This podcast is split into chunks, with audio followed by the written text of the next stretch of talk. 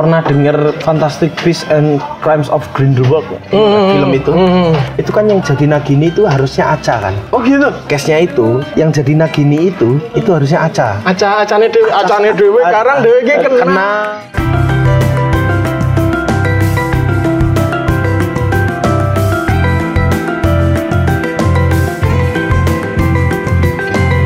Assalamualaikum belum bertemu kembali di Temukan Podcast obrolan saat bertemu kawan. Sap. Teman saya kali ini juga sangat sibuk. waduh Cah sibuk. waduh Apalagi makin ke sini katanya aktivitasnya makan banyak. Padahal dulu pertama kali eh, kita kenal itu pernah nongkrong sama-sama di daerah kisaran 0 km. Kita bahas, eh kita Oh iya. Kita sama-sama berduka karena Kick Torrent ditutup. di situlah pertemuan di situlah pertemuan pertama kita mas ya Iya. oh iya iya iya aku ingat waktu itu masih di itu eh, provider termahal se Indonesia ini ya Iya, iya. Itu sama-sama sedih gara-gara Kick Torrent ditutup itu loh. memang memang dalam beberapa hal lagi perlu perlu pemersatu mas Wah, salah satunya itu salah satunya itu Kick Torrent. aku kan kemarin nge-tweet kan eh, nge-tweet eh, beberapa lama itu nggak nge-tweet soal soal itu Japanese outdoor video itu. Oh, yang saya Nah itu. Kok tiba-tiba sekalinya nge-tweet dalam setahun tuh aku baru pertama kali itu nge-tweet tuh. Kok tiba-tiba trafficnya gede? Paling tinggi itu. Itu mendapatkan reply sekitar 50-an wah memang laki-laki itu penuh butuh pemersatu. Pemersatu. Seperti seperti itu. seperti seperti itu Jadi inilah kalau udah denger eh, suaranya dan lihat fotonya di Spotify inilah Mas Yusril Iza Fahriza. ya Jadi kalau kalian belum kenal ke- keterlaluan banget ya karena eh, beliau ini ya stand up komedian, aktor terutama jadi film Aku kan eh ya kan temu konco podcast ini kan teman-teman tahu ini adalah podcast yang riset. Jadi aku riset. Jadi dia eh, mainnya di main film film layar lebar itu cek toko sebelah The Underdogs mau jadi apa? Susah sinyal belok kanan Barcelona gila Lundro sesuai aplikasi. Sama kalau teman-teman bener-bener ngemat, ke itu dia juga udah main film di level internasional di Spider-Man Homecoming. Bukan. Itu bukan. itu bukan saya. Bukan saya. Bukan. Saya. Itu bukan saya. bukan. Itu bukan. Bukan. Saya bukan. ada di Avenger juga dia satu scene loh dia. Lumayan loh aku mau aku. Kalau Avenger satu scene nggak nggak apa-apa mas. lima ratus ribu nggak apa-apa. Se- Avenger satu scene cuma ditabok tok terus mulai teman-temannya wah aku mau aku. Bukan itu. Bukan bukan itu bukan saya. Mirip siapa tenan. namanya? Siapa itu net itu? Si net net leads terus TV oke Jack ya? Atau TV oke cek eh, dan FTV satu kali sih sekali sekali FTV di Jogja. Terus ada web series surat cinta dari Starla. Iya, itu betul. dia jadi tukang reparasi mesin dik itu. Sing ra dibayar. Eh sebenarnya dibayar orang jadi bahas Ya apa sih masa nggak dibayar? Masa nggak dibayar? dong? Ba- Dibayar dia terus we. Starla itu jadi eh, dengan dengan eh, banyak aktivitas sama kegiatannya kalian mesti setidaknya akrab lah dengan wajahnya Ya semoga saja akrab lah. amin Semoga saja. Tapi Mas, eh, sebelum nanti mengarah ke ke belakang-belakang, Yusril Iza Fariza itu sebenarnya nama asli saya. Tapi kalau kalau di sosial media biasanya saya menghilangkan izanya. karena Karena itu, karena berkali-kali itu saya mengalami meng- meng- mendapatkan ancaman semacam itu gara-gara Yusril Iza Mahendra. oh Jadi ancaman-ancaman mention ancaman pembunuhan bahkan sering. Walah. Beberapa kali itu ancaman pembunuhan yang kayak udah lu mati aja lu sama kayak Ahmad Dhani gitu. Tak pernah, pernah aku. Ada yang eh, akun yang eh, sengaja maki-maki saya karena eh, sesuatu ya karena salah mention. Terus aku kaget apa ini aku kok tiba-tiba dimarahin orang salah mention. Wah, pernah di mention sama detik hot. detik hot level detik hot loh, salah mention. Ya udahlah Yusril Fariza. Yusril Fariza tanpa Iza. Oh iya terus ini ada satu satu hal aku pernah dengar podcast di situ ada Mas Mas Sigit, Mas Imot. Dia dia dia pernah mengungkapkan keheranannya dengan Mas Yusril karena eh, Mas Yusril ini nggak pernah ikut eh, itu kompetisi-kompetisi stand up KE di TV mana pun. Neng kok gendero no. Bi, bi, kasih bocoran dikit. Eh, apa ya? Dukun, dukun. Enggak, Oh. enggak, enggak dukun, tapi apa ya? Bukit Kemukus. enggak, enggak. Sesajen aku sing kuat. Akai sesajene. Enggak sih, eh, sebenarnya kalau jawaban seriusnya adalah eh, apa ya waktu itu tahun sekitar tahun 2013 2014 itu kan eh, teman-temanku seangkatan di stand up itu udah pada istilahnya kalau dibilang di stand up tuh udah pada naik level lah ya. Kalau udah masuk TV itu berarti udah udah masuk level. Nah beberapa beberapa temanku udah udah masuk sudah masuk situ. Kayak Benedion, Hmm. Benny, Dictivity, terus sama eh, siapa? Hifzi Hoir Hmm. itu semuanya semuanya udah udah pada naik ya, udah pada gigi adiguna bahkan. Hmm, udah, ya. udah pada udah pada merasakan televisi. Sementara aku di sini. Eh, terus aku eh apa ya apa ya yang yang bikin aku aku berbeda sama mereka gitu? Apa? Padahal nek sama-sama mulai sama-sama belajar kita dari awal belajar bareng-bareng. Tapi justru yang aku lupa adalah mereka punya proses sebelum aku punya proses ini semacam Hifzi Bene itu ternyata dia punya udah nulis eh, cerpen komedi sejak dari SMP Oh. Hifzi itu sudah punya grup lawak sejak SMP sejak Oh. SMA gitu jadi ada proses di belakang mereka yang aku nggak nggak mengikuti gitu Oh. aku kan baru terjun di dunia seni apa ya pertunjukan itu ya kayak kayak stand up kan seni seni Hmm. pertunjukan baru di 2010 sementara mereka sudah memulai ini udah Jauh. udah jauh lama nah itu proses-proses itu yang kayak oh ya udahlah akhirnya aku memutuskan untuk oh ya wes lah eh, sementara aku di sini dulu untuk me- mempertebal dan dan mengasah iniku di sini dulu di Jogja dulu gitu Ya, lanjut. dilalah Juk, semuanya dilalah mas semuanya serba dilalah yang yang tiba-tiba aja dalam satu tongkrongan sama Ernest itu eh, aku eh disapa sama Pak Pak Pak Imot itu Pak Sigit itu Ah.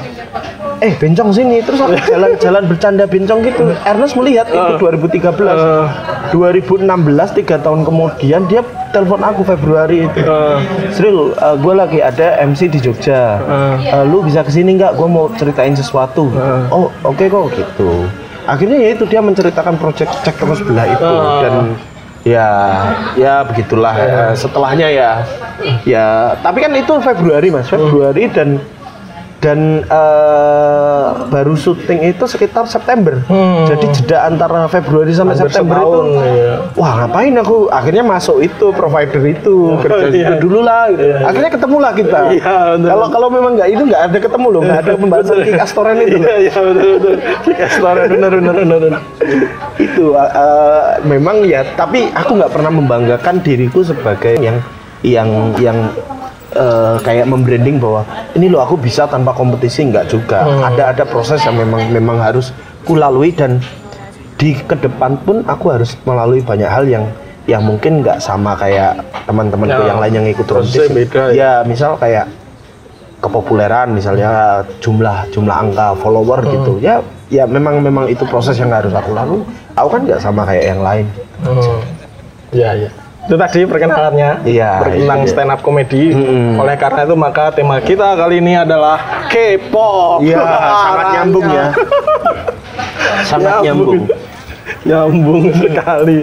Jadi saya eh, sudah sejak lama mengamati Mas Yusril ini dia juga cukup concern ya sama sama eh, dunia K-pop gitu. Jadi kupikir kelihatannya keren nih diajak ngomong tentang K-pop gitu. Mm-mm. Kalau tentang stand up kan yang lain udah ngomongin. Mm-mm. itu di, di FKY itu mas kita ketemu Iya, di di FKY dan eh, kayak kata Mas Iwan adalah eh, pengen membahas kemarin udah bahas soal ini ya Japan apa JKT Ah, ah, JKT48. Iya. yang yang orang nggak tahu tuh eh, mereka banyak orang yang mengira orang yang suka K-pop orang yang suka JKT Iya, Nggak iya, juga. enggak juga, enggak juga. Enggak juga karena dari segi ininya tuh mungkin ya mungkin ya karena karena Korea dan Jepang itu adalah eh, negeri jajahan sih Korea Secara- itu kan jajahan secara kultural ya, ini ya? secara secara kultural itu Korea sangat sangat ini sama Jepang walaupun musuh seterunya adalah Korea Utara itu Iya, sendiri iya. ya tapi mungkin karena karena dia uh, seterunya adalah Jepang jadi kayak Jepang tuh punya punya bisa dibilang dulu punya era sendiri lah era era era era Harajuku era era 2004 kita Idol-idolan. ya idol idolan terus cosplay segala macam begitu masuk nah sekarang kayaknya eh K-pop itu ya memang lagi masuk banget lah Oh. Bisa jadi nah kan ada yang bilang K-pop, ada yang ngomong apa? Eh, Hallyu. Hallyu. Atau Korean Wave itu. Mm. Podora atau masa aja nih? K-pop sama Hallyu ya kayak eh, menurut ini eh, yang yang pernah aku baca Jadi ke- eh, mungkin K-popers yang sekarang kurang mengerti istilah Hallyu karena sudah diserap sama K-pop. Jadi K-pop itu dulu adalah sebuah genre untuk satu musik tertentu. Jadi kayak kayak J-rock, kayak Iya, J-pop iya, iya, gitu-gitu, kayak kayak gitu. Tapi ini K-pop, Korean pop gitu. Jadi dulunya adalah adalah satu satu genre. Nah Hallyu ini adalah wabah. Wabah yang dibawa oleh wabah itu termasuk drama. Oh. termasuk eh, style eh, fashion style termasuk i- idol segala macam. Jadi nggak cuman hanya musik tapi tapi banyak banyak banyak hal lain yang yang dari Korea masuk ke sini gitu. Hallyu Hallyu wave itu mu- mu- eh, dari dari film dan segala macam istilah itu. Nah kemudian serapannya adalah K-pop itu akhirnya lingkupnya menjadi lebih luas menjadi satu eh, bahwa K-pop itu yang dibawa adalah termasuk eh, K-drama termasuk eh, K apa gitu fashion fashion fashion Korean fashion terus make up segala macam Bahkan teknologi bahkan teknologi itu termasuk satu satu budaya pop dari Korea yang dibawa. Akhirnya akhirnya menjadi serapan sih itu aja. Kayak kayaknya itu. Hallyu itu dulunya adalah uh, wabah yang dibawa.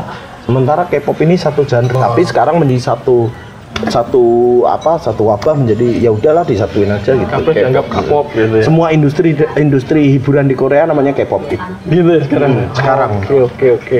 Terus tadi sempat sempat ngomong-ngomong tentang apa industri fandomnya tuh piye mas? Tadi jadi, jadi sebelum kita uh, take ini sempat uh, ngerasani siapa? Uh, personalnya Shai. Shiny, Yang Shiny eh, Shiny si Jonghyun. sing ngelalu Eh, ngelalu. Bunuh diri bunuh diri. kalau nggak tahu ngelalu. Alah. Apa ya? Aku pernah aku pernah diwawancara di satu media dan bilang ya gimana ya? Ah, memang memang aku sih mencoba untuk memahami satu depresi terhadap terhadap pelaku hiburan karena mungkin ya mungkin ya ah, aku pun pernah ada di di fase di fase di mana sangat jenuh memang memikirkan bahwa bahwa kita harus berdamai dengan banyak hal ketika di industri hiburan eh, perlakuan orang-orang terhadap kita, tanggapan orang terhadap kita, asumsi orang tentang kita. yuk dibanding bandingin Yuk dibanding-bandingin. Maksud, eh, aku pernah ada di fase di mana aku tuh eh, sudah sudah membina, sudah me- bermain dalam dalam film beberapa beberapa film. Lalu orang-orang mengira bahwa semua orang yang main film adalah kaya. Lalu asumsi itu adalah aduh sama sekali enggak aku enggak. Aku ini mas belum belum mas. Ya, belum. ya, waktu, waktu itu ya, waktu, waktu itu kan masih di otak tuh masih masih kayak ada tekanan yang harus banyak yang harus tanggung jawab yang pengen pengen aku eh, selesaikan termasuk eh, tentang tanggung jawab finansial segala macam.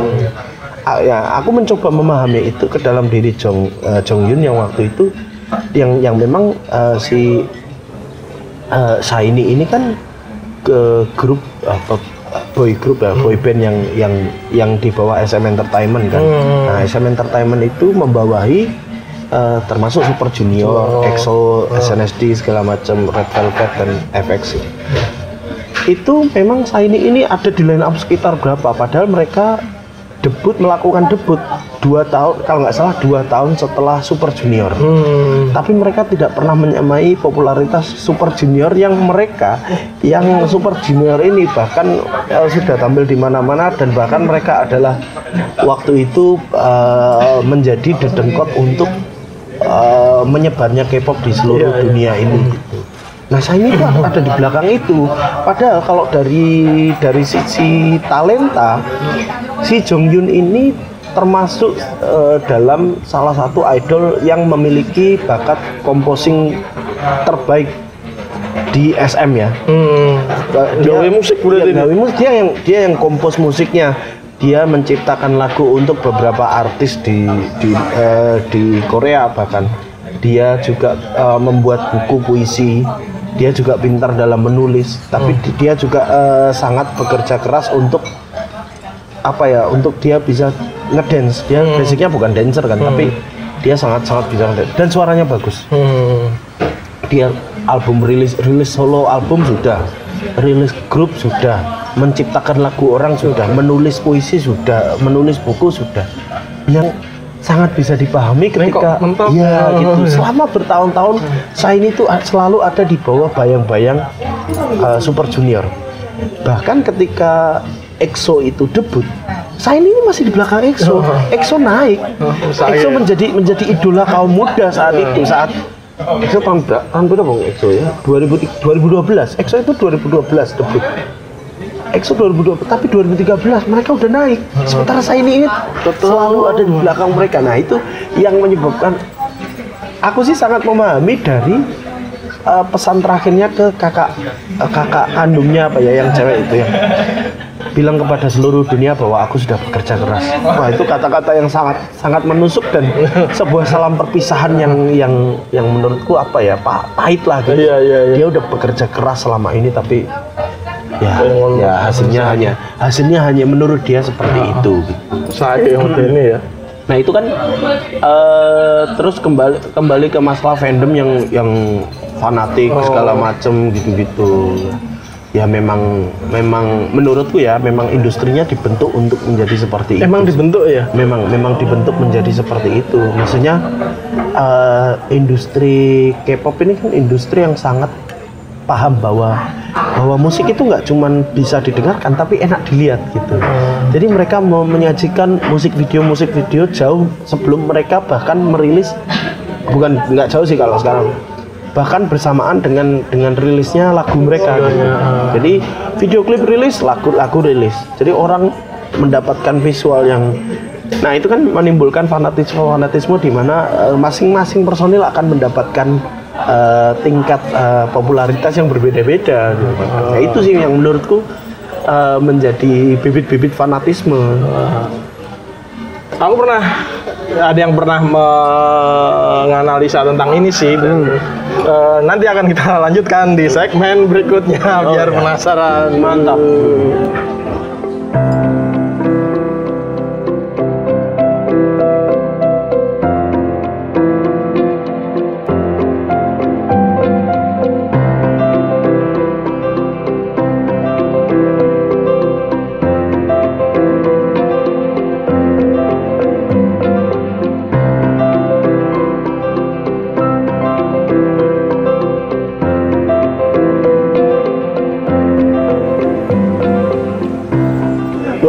Masih di Temu Konyol Podcast bersama Mas Yusril Ya. eh, dan bicara tentang K-pop, bukan stand up comedy. oh, jadi tadi lanjutin tentang fandom ya. Saya pernah dengar ter- eh, ada yang bilang eh, fandom ini can dibentuk oleh industri itu. Bahkan kadang-kadang ada istilah bashing itu sengaja digawe oleh mereka biar biar tiap orang punya fans sendiri terhadap salah satu anggotanya juga gelut dewe. Itu bener nggak sih kayak gitu? Hmm, dalam beberapa ke, ah, karena aku nggak terlalu banyak menyelami fandomnya, tapi aku aku melihat sekilas-sekilas lah yang eh, yang yang maksudnya yang kalau sampai mencuat keluar tuh berarti udah parah banget gitu, di, di aku ya. Jadi kalau kalau sejauh aku melihat itu Iya benar. Kalau kalau eh, fandom ini dibentuk oleh sengaja memang dibentuk oleh industri K-pop itu sendiri karena ya memang dari sinilah mungkin mereka akan mendapatkan uang gitu yang iya kan? Iya. Toh eh, mungkin awalnya eh, nah eh, menurutku dari apa penanaman fandomnya ini bahkan sampai di luar musik mas jadi sengaja untuk untuk beberapa dari mereka itu em, ngeplot bahkan ini ada ada satu grup di mana eh, pembagiannya itu adalah satu penyanyi satu dancer satu rapper dan satu eh, visual Face, face, visual face. iya Ah, visual ah. ini gunanya adalah untuk kembang-kembangan kalau di warung itu kan ada kan warung-warung Ya, ya, ya, ya, ya. warung kopi pinggir jalan itu ada kan kembang-kembang. Iya, Nah, iya. visual ini gunanya adalah dia nggak bisa nggak bisa begitu suaranya nggak begitu bagus untuk nyanyi. Ngedance juga biasa aja. Tapi dia sangat bagus di variety show. Itu Oh, bisa iya, sangat iya. untuk menghidupkan ininya eh, boybandnya itu sendiri. Iya, iya, iya, ada iya, yang ada yang tingkatannya paling rendah, tapi dia ini lucu di variety show. Oh, Dia ini bagus dalam membawakan satu acara, itu bisa menaikkan. Super Junior anggotanya berapa? Super Junior kan uang Saya kira saya dibahas angkatan sembilan ya? Enggak. Enggak eh, kayaknya lebih lebih sembilan atau berapa? Beberapa di antara mereka itu kan nggak mungkin semuanya sembilan sembilannya nyanyi toh. Iya, iya, yang nyanyi hanya baru tiga atau empat gitu empat orang dan dua itu ada yang dari mereka itu sangat bagus dalam hosting. Ya, Sangat bagus dalam hosting dan bahkan dia adalah leadernya gitu. Lituk. Ya, Lituk itu itu dia leader tapi hostingnya di I Can See Your Voice itu bagus. Dan di variety show dia sangat tahu bagaimana cara masuk untuk lucu. Cara gitu. ini jadi eh, memang ada plotting-plotting begitu dan penanaman-penanaman apa ya menurut eh, dalam bahasa apa sih? Penanaman fanatisme kayak gitu itu memang memang nggak hanya nggak hanya di musik ya tapi orang industrinya itu industri kepopan itu sangat sangat paham akan ini gitu ya. jadi makanya itulah K-pop itu nggak cuma soal musik, tapi oh bahkan ada yang drama, ada yang dramanya bagus. Dia main di beberapa drama, memang bagus aja di drama. Di musik dia nggak bagus, tapi dia tetap tergabung dalam boyband itu, boyband atau girlband itu. Ya, ya, ya. Jadi eh, memang memang ya itu merupakan satu kesatuan industri ya. Ekosistem ya, Ekosistem. harusnya. Jadi nggak nggak cuma musik gitu. Heeh. Jadi sudah sudah jadi satu kesatuan gitu. Itu sih mas kalau aku, menurutku ya. Nah soal yang berantem berantem itu sempet sempet ngikutin tapi eh ada mungkin ada tapi ya lebih lebih ke ke pembagian aja sih. Tapi kayak aku pernah pernah baca itu jadi di BTS itu eh, ada satu member yang eh, di kala di dari dari sekian banyak member itu dia yang paling sedikit fansnya. Hmm. karena kalau nyanyi cempreng kalau ngedance nggak bagus-bagus banget tapi dia masih ada di situ terus gitu. Nah ketika eh, jadi ada ada apa namanya eh, tahun ini kan BTS ngeluarin uh, album uh, Love Yourself trilogi itu Uh, trilogi Love Yourself itu. Nah satu satu trilogi itu eh satu trilogi satu album itu biasanya munculin satu satu solo apa ya satu nyanyi solo mereka Ah, masing-masing gitu. Yang uh, Love Yourself uh, Her siapa Love Yourself Tear siapa Oh, gitu? Answer siapa Ah. gitu. Ada satu satu yang nyanyi. Waktu si ada yang membernya itu yang paling dikit tuh katanya namanya Jin. Nah ketika Jin ini uh, keluar di Love Yourself yang terakhir itu itu paling banyak viewernya dia. Malahan. malah karena karena dia yang paling paling sedikit. Oh gitu. Mm, karena dia yang paling sedikit fans ya. Malah suaranya juga suaranya juga nggak bagus-bagus banget sih menurutku ya menurut tapi ya ya itu satu kesatuan sih BTS itu satu kesatuan. Itu itu sampai sampai ada memang ada ada war di kolom komen gitu. Ah, Kenapa- harus ah, Jin? kenapa ini terus ada ada yang ada yang mempertahankan dia ini adalah gini gini gini dia memiliki bakat gini gini gini. Ah tapi menurutku dia biasa gitu gitu memang memang akan ada. Ada istilahnya bias. Bias itu eh, fanatisme terhadap satu member. Iya, iya, iya, Nah, iya. jadi satu grup itu fandom turunnya lagi itu bias. Oh bias. Iya, bias. Oh iya iya iya. jadi biasnya siapa? Itu biasanya biasanya ditanyain mas misal aku ngefan Big Bang gitu biasanya siapa oh G Dragon Oh gitu. Iya gitu. iya iya Jadi iya. ada ada ada ada satu satu member yang harus diyakini kebenarannya Ya sampai menarikin. Oh juga ada kayak gitu ya. ada Jadi kalau anak-anak idol yang nggak tahu bias itu sama kayak Oshimen ya. oh iya Osi Osi kalau istilahnya di kalau istilahnya di JKT Osi Oshi. Osimu siapa gitu gitu Ah, iya, iya, iya, oke. sama sama sama kurang lebih kayak gitu. sama aku aku mau, mau dari tadi mikir apa ya istilah Jepangnya apa istilah JKT-nya tuh apa ya Itu setelah JKT. istilah istilah JKT Oshi. Osi ya, ya. Osimu siapa ada Jadi kasusnya si Jin tadi apa pun yang digelut di berantem ini tetap viewersnya nambah terus ya tetap. iya tetap tetap nambah terus sih sebenarnya ya tetap tetap nambah terus sebenarnya Hmm, Oke.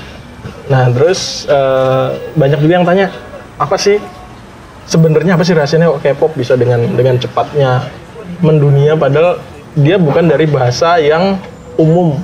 Dia di luar lima bahasa resmi PBB lah gampangannya bahasa Korea tadi asumsinya nggak banyak orang yang lima bahasa resmi itu apa aja? Inggris Eh, Inggris, eh, Mandarin? Spanyol, Mandarin, Jepang, Arab. oh oh iya iya iya iya iya iya itu loh. oh iya iya iya berarti aku tahu kenapa iya iya sekarang jadi nyambung jadi Untung ketemu. Iya. Ketemu Jadi- apa sih? jadi eh di kop di, di kopop lagi Ya, di K-pop itu ada beberapa beberapa eh, agency yang sengaja membuat eh, album sekali rilis dalam tiga bahasa, Jepang, Korea, dan Mandarin biasanya. Nah itu memang memang memang aku sih pernah pernah baca bahwa ini kan kasusnya adalah kenapa K-pop eh, merajai bisa merajai kan. Pernah dengar Fantastic Beasts and Crimes of Grindelwald film itu. itu kan yang jadi Nagini itu harusnya Aca kan? Oh gitu. ah, case-nya case-nya itu yang jadi Nagini itu itu harusnya Aca Aca acane dewe, acane dewe karang dewe ki kenal. kenal. Aca Septriasa itu, itu harusnya yang jadi Nagini. Oh, dia sempat ditelepon untuk casting eh, Crimes of Grindelwald itu. Hmm. karena kan Nagini itu menurut J.K. Rowling itu dia dia nge-tweet itu Nagini itu adalah eh, legenda dari Indonesia. Oh. Eh, manusia setengah ular setengah manusia. Manusia setengah ular setengah manusia. Mas setengah manusia setengah ular itu Nogogini apa apa Oh. gitu. Nagini itu dari dari legenda Indonesia. Makanya yang meranin harusnya orang Indonesia. Nah yang di calling waktu yang di calling yang dihubungi waktu itu adalah Aca. Aca menolak nggak bisa karena dia hamil posisinya. Oh. nggak beruntung banget sih Oh, memang. iya, iya. menurutku ya. Tapi kenapa kenapa kalau misal Aca hamil gitu terus pikiran kita kan kenapa nggak Tara Basro kenapa nggak Adinia Wirasti yang wajahnya lebih ular dan kulitnya lebih ten gitu Iya, iya, iya. Kenapa, kenapa nggak mereka mereka berdua Ini in positif, uh, way lah, yo. Iya. Mbak, Mbak, Tara Basro dan Iya, ini ini in positive way, Iya, iya. way loh. Kita kan, loh, Tara Iya. Basro itu kan lihat mukanya itu sangat bengis loh. iya. Dia diam itu udah ular banget. Jadi kenapa nggak dia yang bikin lagi nih? Nah, produsernya uh, mereveal bahwa akhirnya yang menjadi Nagini ini adalah orang Korea. Iya, orang Korea. Si uh, Claudia Kim. Nah, Claudia Kim ini ternyata setelah di casting eh, wajahnya cukup Asia sih gitu. Cukup Asia meskipun 90 persennya dia harus bermuka sedih nggak apa-apa lah. Yang penting yang penting adalah ini. Yang penting adalah ketika kamu sudah mendapatkan orang Korea kamu sudah mendapatkan seluruh dunia. Oh gitu. dia bilang gitu. Sangar ya. itulah kenapa Black Panther ambil setting di Korea. Karena sebenarnya nggak penting-penting banget itu di mana. Oh, itu cuma adegan Iya, lari-lari kok. Uh, tapi Hollywood itu sudah sadar bahwa ketika kamu merangkul Korea kamu sudah merangkul dunia Black Panther itu bahkan premier di Korea. Premier ya. padahal nggak ngapa-ngapain di Korea itu. Kurang apa apa? itu kalau cuma bar lah sedunia masa bar cuma ada di Korea tok lah nggak mungkin. Kalau cuma ini tapi kan nggak ada tulisan huruf Hanggulnya itu kan yang bikin. Nah ketika ketika Hollywood menyadari hal itu bahwa bahwa ketika kamu sudah merangkul Korea kamu sudah merangkul dunia. Dunia ya orang yang Asia. ya. nggak mungkin cuma Asia? Kalau cuma Aca Septriasa kan hanya Indonesia nih atau Asia Tenggara lah. Ya mungkin nggak nggak cuma nggak Asia Tenggara. Indonesia lah gitu. Seberapa sih Indonesia? Gitu. tapi kalau Korea tuh sudah dunia. Menurutku yang eh, kenapa bisa mendunia itu ya apa ya Hmm, lebih ke lebih ke itu tadi sih eh, penanaman fandomnya itu sudah sudah apa ya sudah sudah menyebar luas gitu loh bang. Hallyu Wave ini udah udah sangat sangat mendunia dan sampai eh ya BTS Iya, segala iya. macam itu tampil di apa ya billboard segala macam. Terus eh, SNSD pernah tampil di apa? Late night show. Late night show ya ya late night show. Terus eh, siapa lagi ya yang pernah ya? Pokoknya beberapa beberapa ada ada yang pernah ke sana. Eh, bahkan ada event musik mereka yang apa ya namanya? K-pop Worldnya apa ya? KL pokoknya ada ada event musik mereka yang eh, diselenggarakan di New York. Dan itu tetap ramai juga. Padahal New York ya. Padahal New York loh itu kota yang sangat sebenarnya kalau cuman Asia kan kita bisa maklum di Hong Kong gitu. Wah Korea ya udahlah Korea sampai Hong Kong, tapi ini sampai New York gitu. BTS jadi covernya majalah Time, Ya. magazine. Hmm. Ma- eh, di Ellen DeGeneres juga Oh, meskipun oh. yang bisa bahasa Inggris cuma satu doang. yang lainnya cuma oke oke. Ya tampil-tampil di Saturday Night Live, Iya, eh, SNL apa-apa gitu. Itu yang besok katanya mereka tampil di Grammy tapi aku nggak tahu sih. Belum belum ini ya. belum, belum dikonfirmasi konfirmasi ulang. Seperti itu. Karena apa? Karena ada yang ada yang bandingan dengan kok kok India kok yang ngono gitu. Padahal kan India juga duluan eksis terus pernah hampir mendunia dengan kuc kuc hotahenya itu kayak gitu.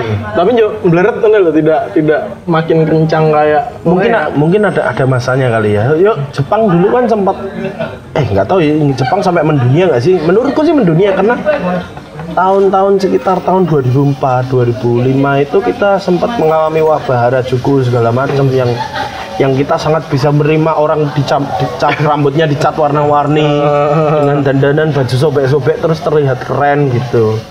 Uh, nggak tahu kalau kalau kasusnya India apa cuman uh, menurut oh Mandarin mas. Dulu kan si- siklusnya gini. Kan iya, iya, iya, iya. India tujuh tahe Ya. itu akhir 90-an itu uh, muhab muhabatan enggak sih? Muhabatan begitu 2000-an tujuh tahe dilto pagelhe solder segala macam kabikusi kabiku Ah, itu iya.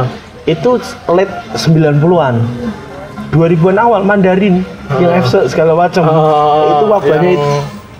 Uh, Crouching Tiger Hidden Iya, Dragon itu. Ah, itu Meteor Garden 2004 2000 ini udah mulai masuk ke drama-drama Korea sih karena karena waktu itu kan wabahnya Tom Mingse itu mungkin sangat mewabah Asia. Terus ada Juku baru Korea sekarang.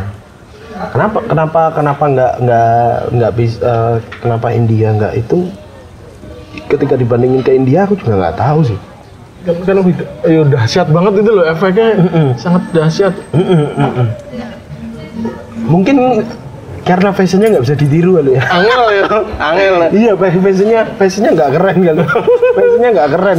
Angel, Fashion fashion angel India tuh apa ya fashion India? Masa masa di jalan orang pakai sari? angel ya Angel. Fashionnya Sulit angel. juga sih. titik awalnya K-pop mulai mengglobal apa kira-kira Dua, 2000 berapa ya? Kayaknya dari titik awal ya, titik awal. Kalau bicara titik awal kayak dari dari Full House deh, Full House ya. Full House ya Full House yang yang drama yang dulu itu itu sampai sampai di relay di beberapa uh, stasiun TV. Mungkin titik awalnya dari situ kalau dari dramanya, tapi kalau uh, musiknya kayaknya dari dari dari Super Junior dan uh, SNSD deh, dari Girls Generation itu. Nobody Nobody But You Itu Wonder, Wonder Girl Wonder Girl itu Iya mungkin ya, mungkin 2010 2011 kayaknya Mas. Mulainya ya menurutku 2010 2011 karena waktu itu eh Hallyu Wave lagi-lagi menjam, menjamur terus eh a- aku kalau kalau misal aku kalau misal Pak Jisung nyetak gol aku kan suka MU kan. kalau misal Pak Jisung nyetak gol itu aku selalu bilang Hallyu Wave. oh, iya, iya, Hallyu Wave. iya, Hallyu iya, Wave. Aku selalu nge-tweet gitu. Hallyu Wave. Jisung. Pak Jisung. Kayak kayaknya kayaknya kalau, kalau di di tahun 2010 tahun 2011 deh. Mungkin ya karena eh, belum pernah membaca bahwa belum pernah ada literasi yang bilang mencatat bahwa titik ini tuh dari dari sini gitu enggak. Tapi eh, kurasa dari dari menjamurnya dari SNSD dan Super Junior. jadi mulai semua mendadak suka ya nggak mendadak suka sih ada prosesnya yang yang uniknya itu eh, sangat bahasanya asing nih wong do seneng ngono lho Iya ya, kenapa ya? iya iya Maksudnya a- aku ora ngerti lho sing tak omongke apa, Ah. ini do seneng gitu. Iya sih, iya sih. Bisa juga. Tapi aku karena aku mung, aku tuh suka mempelajari bahasa. Oh, Eh, dari dari dulu tuh aku aku suka suka dari kecil SD ku itu kan nggak nggak nggak dapat pelajaran bahasa Inggris. SD itu nggak nggak dapat pelajaran karena di Muhammadiyah tuh. SD SD SD SD SD Muhammadiyah tuh. Eh, saking aku pengennya belajar bahasa Inggris, aku buka catatan-catatannya masku yang udah SMA waktu itu. Jadi, oh strukturnya begini. Oh, iya, Oh ini dari catatannya, oh past present gitu, apa continue, present continue gitu-gitu tuh aku aku udah udah belajar jauh sebelum teman-temanku udah bisa mengenal bahasa Inggris, aku udah bisa tahu bahwa bahasa Inggrisnya air itu water gitu. bisa gaya. itu enggak ya aku masih inget apa karena eh, dulu itu kan aku suka pengen belajar bahasa Inggris tuh karena dari dulu aku suka nyanyi eh, nyanyi kan masku suka nyetel kaset-kaset yang kayak Brian Adams, Mr. Big, Nirvana segala macam. Nah aku mulai-mulai denger dari situ. Lagu yang tak apal aja pertama itu. Apa ya please forgive me. Please forgive me. Brian Adam. just feels like first night together. Iya, iya, itu. iya. itu lagu pertama yang tak hafal itu. Di jauh sebelum Joshua. Lagu lagu yang pertama hafal itu. Jadi makanya eh, terus eh, bahasa Inggris aku belajar. Di SMP-nya aku di sekolah asrama kayak pesantren gitu. Belajar bahasa Arab. Aku suka bahasa Arab. Eh, kayaknya bisa untuk ngomong sedikit-sedikit berbahasa Arab tuh aku bisa habis itu waktu Jepang tuh aku nggak tertarik karena eh, ah, apa ya aneh banget itu Iya iya iya iya. Terus Korea tuh agak sedikit-sedikit bisa karena eh, bukan bisa secara keseluruhan ya, tapi ada beberapa kata yang aku tahu. Lebih ke karena suka nonton ininya eh, eh, variety show, suka dengerin lagunya segala macem. Ini variety show-nya juga oke lu itu. Nah, aku itu masuknya eh, pertama kali denger itu karena ini mas, karena eh, variety show itu membuatku jauh memasuki K-pop lebih dalam. Eh, Dari awal aku kenal, terus hanya suka musiknya, terus mulai masuk eh, suka variety show-nya, terus ke dalam jauh-jauh. Mulai aku kulik lagu-lagunya. Eh, ini siapa ini dari dari band mana? Eh dari grup band apa nih? Aku mulai dari grup itu dia jadi bintang tamu di ini lucu banget. Terus aku dengerin lagunya. Iya, gitu iya, sih iya. ya makanya makanya aku taunya oh ini tuh mungkin dia di, di sini tuh untuk menciptakan fanatisme terhadap boyband ini makanya dia dia diutus untuk ke variety Diutus, diutus oh. siapa sih diundang untuk variety ini gitu awalnya gitu Dikon ngejob di mana di kon ngejob kon ngejob ning variety show. Sangat rumit ya. sangat sangat apa ya? Eh, apa sih namanya? Ekosistem mas? Ekosistemnya- ekosistem. Jalan. Karena aku, aku pertama kali ya pertama biasa Allah, ini cuman kayak gini kayak bukan bukan. Karena memang paling meng koyo gini bae nggak lama bakal hilang tapi makin lama makin makin makin populer gitu sampai iya ya. bisa jadi covernya Time ya itu gila. Eh, salah satu hal yang aku kagum adalah ternyata pemerintahnya yo cawe-cawe kan. cawe-cawe. Karena akhirnya pemerintahnya sadar bahwa apa ya yang bisa dikenal dari Korea selain perang? Apa ya gitu? Selain selain politiknya dengan Korea Utara yang simpang siur gitu. Apa ya yang bisa yang bisa? Oh musiknya ini kita bisa bisa meinian image dari web ini. Akhirnya aku nggak pernah ke Korea ya tapi eh, belum bermimpi untuk ke sana juga. Tapi eh, kayaknya bukan kayaknya dari beberapa temanku yang pernah ke sana mereka bahkan sangat eh, tahu ini akan menjadi sesuatu itu bahkan memasang poster-poster mereka untuk eh, kegiatan pemerintahan misal eh, di kereta api gitu. Jangan buang sampah sembarangan apa-apa gitu. Iklan-iklan layanan masyarakat mereka udah sangat berjejer itu idol-idol K-pop ini ini itu. Sing nawake yo, sing Iya. nawake. itu menurutku bahkan sampai wow berarti mereka sangat aware terhadap eh, idol ini ya terhadap boy group boy band ini ya fandom fandom ini sampai mereka bikin dance di pinggir jalan. Nek kita cuma ada eh, angklungan di pinggir Ramayana nah itu mereka kayak gitu di tapi di mana Myeongdong apa mana Daegu apa Busan apa mana gitu. Sama kayak gitu prinsip. Cuman kalau di sini angklung sana ngedance. Ngedance. Aku terkesimanya gara-gara mungkin jenam pernah pernah lihat masih yang iklan pariwisatanya Korea judulnya Seoul. hmm, SNSD sama Super SNSD Junior. Sama Super Junior Queen. hmm. Kan dinas pariwisatanya nggak kelihatan. iya Kalau di sini kan mbuh pejabatnya mbuh yuk nongol di sini karo menggenggam tangan tangan karo mari gitu ngono. Ah. Kono ora. eh. opo opo tiba-tiba pejabatnya eh, dalam satu cameo tiba-tiba jabat tangan Oh. itu sama sekali enggak Nggak ada. dan mereka sangat sangat sadar sangat sadar akan itu terus dibikin lagu dan Iya. bagus dan mereka sangat tahu ikonnya waktu itu ya Iya. Kan 2000 2010 2000 berapa tuh SEA Yuli 2011 2012 kayak awal-awal aku dengerin K-pop kayaknya itu S E O U L Iya, itu. Dan ketika pertama kali nonton tapi rugi video klip anyar, po, po single anyar, po, po kolaborasi, po gitu ya. Hmm, ternyata Pas terakhir semacam dinas pariwisata. Wah, nih di sini udah ada logo Garuda Pesona Indonesia itu. Siu, karo pejabatnya. Mari kementerian. tingkatkan pariwisata. pariwisata di Korea. Rano. Tidak ada. Keren. karena karena sebenarnya penonton dunia nggak peduli sih. Sebetulnya nggak peduli menterinya siapa sih. Yang, yang mereka pedulikan adalah idola mereka ada dan itu nonton. Nah itu loh esensinya. Indonesia Indonesia. Masa menurut apa paham sih. Orang lebih peduli pesane pesan dan kemasannya. Pra, pra peduli sapa sing ngomong. Sopo sih ngomong pesan dan kemas yang penting Keren. di sini ada iklan pariwisata yang nyanyi Rosa tapi Rosa nggak kelihatan sama sekali Loh. ada ya, Pak? ada Belum- ada belum- belum ada pernah- yang belum nyanyi Rosa itu Belum pernah lihat malah itu. yang nyanyi Rosa, Rosa nggak pernah kelihatan sama sekali. Kenapa? Kenapa justru Rosa tidak diperlihatkan? Kalau memang ya, ya masing-masing pemerintah punya punya agenda sendiri Iya ya. sih. Mungkin di Indonesia yang dimanjakan adalah alamnya mungkin. Kita positif thinking aja. thinking, positive positive thinking ya. ya. Mungkin di Korea nggak ada wisata alam, adanya mas-mas ganteng dan mbak-mbak ayu gitu. Mungkin pesona alam mereka ya begitu. toh. Iya, iya. Ya kita positif thinking Positive aja thinking. sama pemerintah. Nggak boleh berburuk. Enggak boleh, enggak Nggak boleh. boleh, nggak boleh. Positif semua Iya nanti dikira podcast ini ujaran kebencian. Apalagi sebentar lagi kan menjelang pemilu. Sangat penuh-penuh politik. Saya suka pemerintahan Indonesia. Tolong dimasukkan ini. Oh, iya. Jangan diedit. Saya cinta, saya, Saya cinta, saya cinta Kemenpar. saya mendukung program Pesona Indonesia. Meskipun saya jarang diajak liburan. Padahal followernya akeh lho, Pak Menteri Wahjan.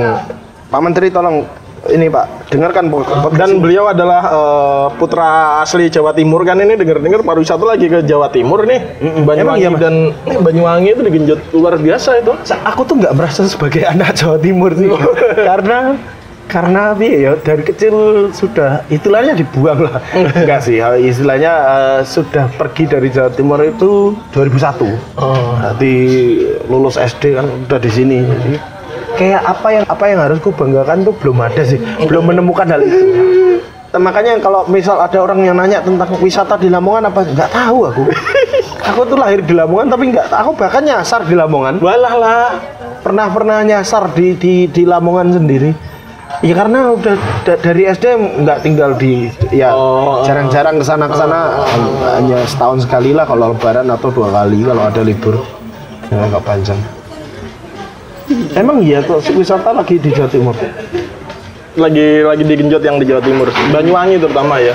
Kalau kita lihat itu sangat sangat anu sangat intens. iya di film ini juga aku lari ke pantai kemarin Oh. Hmm, diperlihatkan wisata alam Banyuwangi dan pantai selatan Wah. pantai selatan Pacitan segala macam Ada ya itu keren loh. ya keren kok Followernya banyak loh Pak. Ini sak tweetan yuk. Tweetku kan yang banyak kalau aku nge-tweet soal itu kan. Oh iya. Jadi kayaknya eh, pihak biasanya juga ngadu ngapain ini.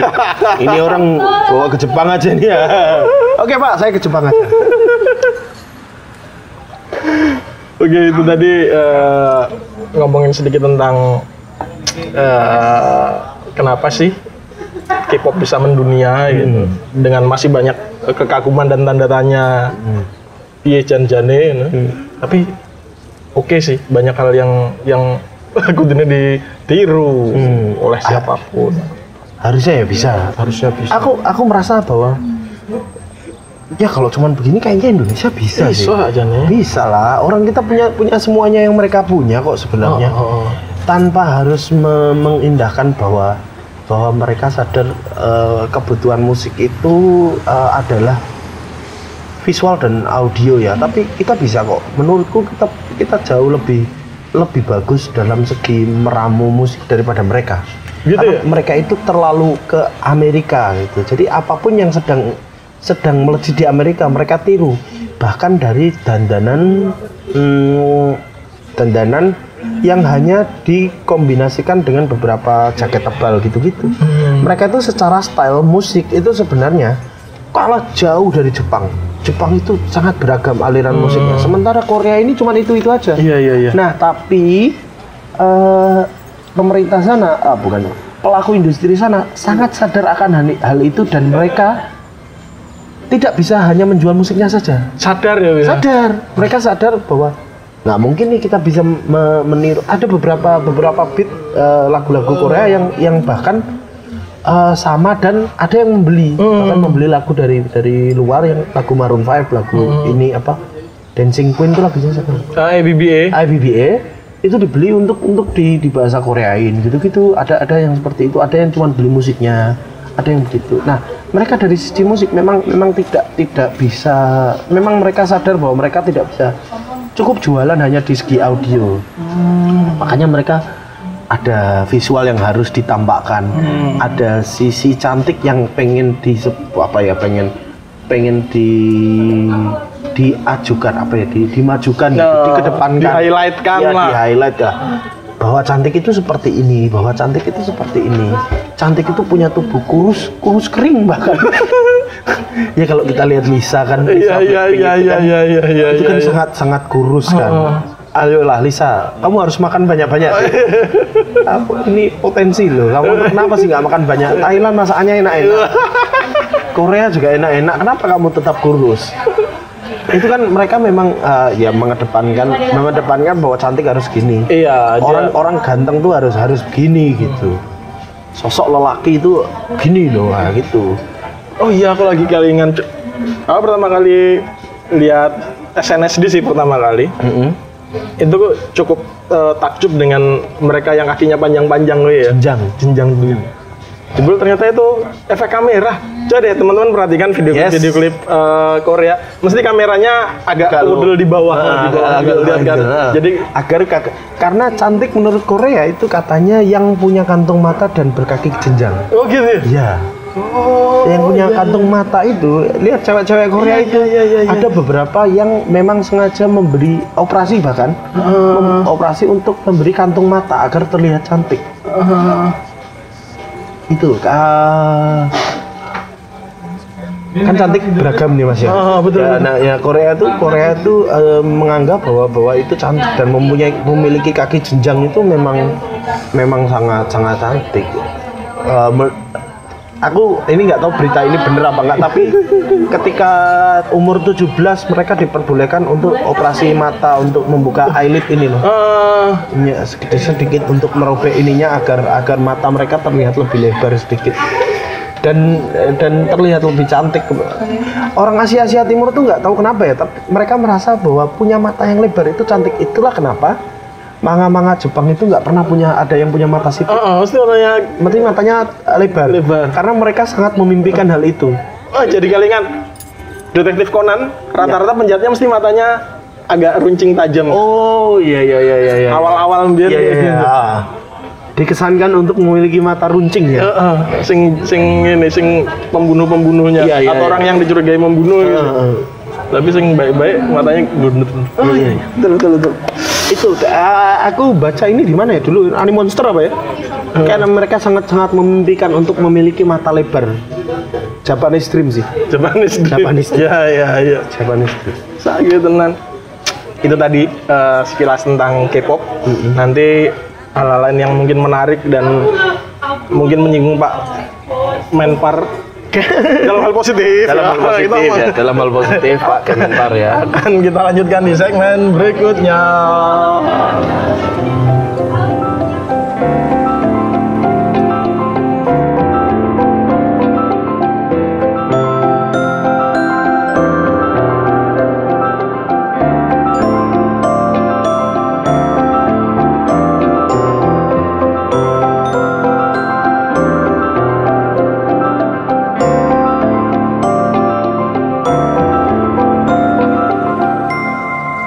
Halo, kembali lagi bersama Temu Konyo Podcast bersama Mas Yusril dan ngobrolin K-pop. Ayo pop. K-pop, ayo pop. apa ya? Apa ya? HP HP tenan, HP tenan K-pop ayo pop. Jadi tadi eh, pas lagi break eh, kita sama-sama nonton film pariwisata buatan pemerintah Korea Selatan yang Video ya? video video yang eh, tahun lalu kalau nggak salah itu ikut bertanding bersama video-video lain termasuk video Indonesia yang secara voting Indonesia menang. Hmm. Tapi kalau dari secara kemasan, saya dan Mas Yusril sepakat eh, video Korea ini sangat unik dan sangat beda dari yang lainnya. Gitu. Kalau kalau yang lainnya kan keindahan alam apa ya gitu eh, segala macam. destinasi pariwisata yang ada apa. di situ apa yang menarik dari negara itu Hmm. Kalau Korea ini sangat berbeda. Kalau kalian penasaran, coba search aja di YouTube. Eh, Korea Visits You tanda seru spasi eh, special gift from Korea itu coba di search di YouTube. ya nanti kalau udah Korea visit you pasti pasti ada sih kayaknya Nah. kayaknya ya Kira eh, karena game dia itu ya. Mm, mm, mm.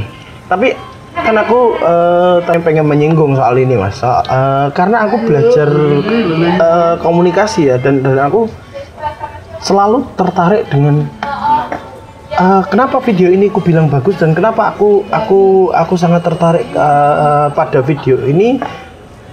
Karena eh, satu hal yang ini kan eh, di video itu ya kalau teman-teman nonton nanti nonton di video itu eh, ini adalah settingannya itu eh, dalam video yang berdurasi beberapa menit itu itu settingannya adalah orang Thailand yang eh, apa ya gimana mas ya Dika- Oh. dikasih Pernah berwisata ke pernah berwisata ke Korea, terus, dia membaginya ke dalam gambar-gambar eh, saking berkesannya dia bikin gambar-gambar itu tuh, jadi unggah di media sosialnya. dan di eh, apa akhirnya gambar-gambarnya itu ditunjukkan di eh, destinasi-destinasi itu sendiri oleh siapa itu orang Koreanya ya? Iya, oleh Oh, eh, seleb-seleb Korea ya. seleb Korea kayaknya ya.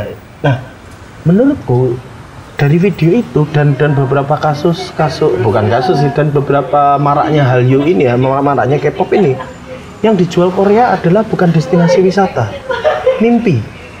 Mimpi ya. mimpi mimpi bahwa suatu hari aku selalu selalu selalu me- me- kan aku biasanya dalam dalam lagu Korea itu selalu melihat jadi lagunya isinya tentang apa sih? Selain hura-hura. Selain sarang he, sarang. Iya, he, ya. selain, selain hura-hura dan cinta itu isinya apa? Ternyata hal yang paling memotivasi dari anak-anak Korea ini adalah menjadi idol. Menjadi idol, menjadi icon dalam dalam dalam satu negara, kemudian merepresentasikan negara itu. Gitu. Oh, jadi orang yang dari terkenal, no? tapi dia pengen Pengen, pengen lebih lagi ya. menjadi idol. Bahkan be- ya mungkin memang memang memang persaingan di sana juga ketat ya. Makanya eh, dan di lirik-lirik boyband girl band ini mereka biasanya selalu menjual mimpi, selalu menjual optimisme di mana suatu hari kalau kamu nggak menyerah kamu bisa kok kayak gini. Suatu hari kalau kamu percaya pada dirimu, kamu tuh akan akan menjadi menjadi seperti ini. Menurutku kenapa si BTS ini naik? Karena BTS ini nggak hanya menjual mimpi tapi dia juga menjual ke mimpinya yang mimpi yang dia jual itu lebih ke personal. Hmm. lebih ke arah bahwa bahwa mereka pun pernah punya mengalami masa yang sulit. Kamu tidak boleh jatuh karena itu. Gitu. kamu harus berdiri. Kamu eh, kayak not today itu kan kamu kamu bisa aja kalah kalah kapan pun tapi nggak untuk hari ini gitu. itu kan lirik-lirik yang sangat bagus itu sih aku sebelum stand up pasti memposting lirik itu. Ya, ya, ya, ya, ya. Eh, a day may come when we lose but not today Eh, itu kayaknya kata-katanya dari Game of Thrones itu. yang apa yang harus kamu katakan kepada malaikat maut ketika datang menjemputmu? Not today. not today. Iya. Itu itu kata-katanya tuh sangat-sangat apa ya? Sangat menurutku sangat-sangat personal. Bahkan Love Yourself itu kan campaign dari PBB untuk eh, UNICEF apa UNESCO UNICEF UNICEF campaign terhadap anak-anak remaja untuk percaya pada dirinya bahwa ketika mereka dibully kamu harus tetap percaya pada dirimu apa pun yang terjadi itu memang memang kamu harus harus menumpahkannya dengan dengan keringat darah dan kamu harus mencapainya mencapai mimpimu dengan itu gitu. Yang yang selalu Korea jual itu adalah mimpi. Dan kenapa kenapa Thailand itu? Karena menurutku ya menurutku dari sisi politiknya dari eh, dugaanku Korea Selatan dan Thailand ini punya hubungan bilateral yang sangat bagus. Oh, ya. Eh, dan banyak beberapa beberapa idol eh, Korea itu berasal dari Thailand. Ada idol Indonesia, cuman kan nggak nggak begitu gitu banget kan, masih masih yang sosok lah, itu. Masih, lah. masih rookie lah, Iya. istilahnya tuh masih ah, masih sepak bola dia divisi 3 lah. Ya, ya. Eh, Kalau eh, stand up dia masih manggung di event-event pang-pangan lah. ya. Kalau MC MC gitu. Itu ma ma- ada yang seperti tapi kan siapa yang nggak tahu Lisa? Iya, iya. Siapa yang nggak tahu siapa? Siapa tuh PM? tuh PM? Balah ngerti. Nikun. Nikun sama siapa yang nggak tahu Bem Bem itu Ah. God Seven. itu kan artis-artis Korea eh artis-artis apa orang-orang Thailand yang bisa go internasional ke Korea. Nah, kenapa sasarannya Korea menurutku karena eh, dari sinilah mereka bisa menjual mimpi itu. Bahwa tidak tidak tidak penting kamu dari negara mana, kamu bisa sama kayak mereka gitu. Yang selalu di- ditanamkan seperti itulah. Itulah kenapa kayaknya eh, mereka eh, sadar akan hal itu dan dan membuat ini menjadi masal membuat bahwa oh aku bisa kok kayak mereka kalau aku tidak ya gitu loh yang kayak mereka selalu menjual mimpinya me- makanya slogannya Korea visits you tuh wow ini seperti seperti menjual mimpi sekali ya semak semakin terlihat untuk menjual mimpi mereka ini ya Jadi kalau yang lain kan Indonesia visit Indonesia. Iya. Mereka mengajak orang ke Indonesia. Visit Japan, dia Iya. mengajak orang ke Jepang. Iki orang, aku loh sing nenggo Yes, kamu. yes itu itu yang aku bilang tadi. Wah ini copywritingnya bagus banget ini. Ngambil slogannya Korea visits you. Nggak usah kamu ke Korea, Korea yang datengin. ke- Oh, wow, wow, Sangat. wow.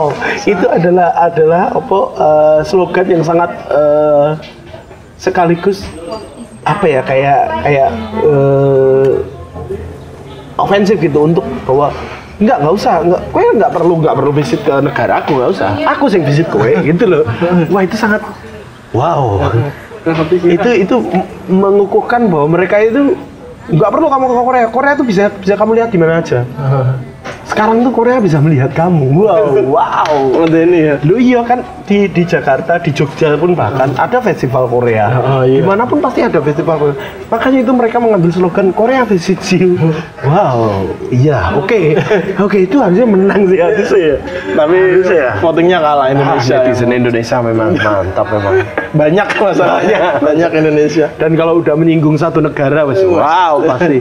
Kalau apalagi kalau dikasih narasi-narasi semacam pasti kamu tidak mau kan eh, kalau wisata kita diklaim negara lain Oh. dukung lah harus ada gitu Iya, kita iya. tuh bersatu kalau ada musuh bersama Oh ya.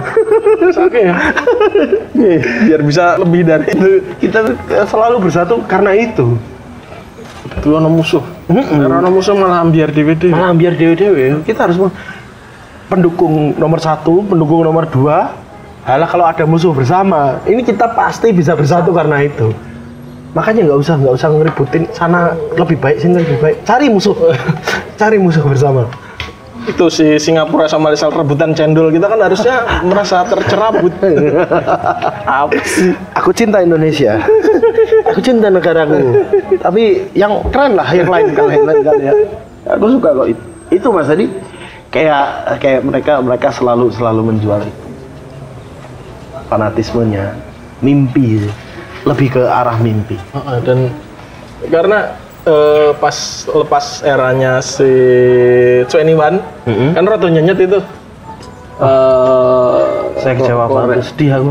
Nah, kan, waktu Edwan bubar. Bubar terus kita sepi tahu tuh ada Blackpink dan karena tuh Gila, 20 21 itu sebelum mereka bubar aduh inget aku tanggalnya. November. Ini karo berambangi saudara-saudara dia karena aku aku tuh eh, masuk di K-pop tuh karena karena SNSD tapi masuknya itu karena 21 Mas Lebi Ma, pertama kali nonton itu SNSD yang apa yang GGG bukan? JJJ udah rilis Oh, waktu udah. itu. Aku tuh di masa Suanel Marepa itu, Hmm. itu. Gini, Cini Cini itu itu masuknya dari situ.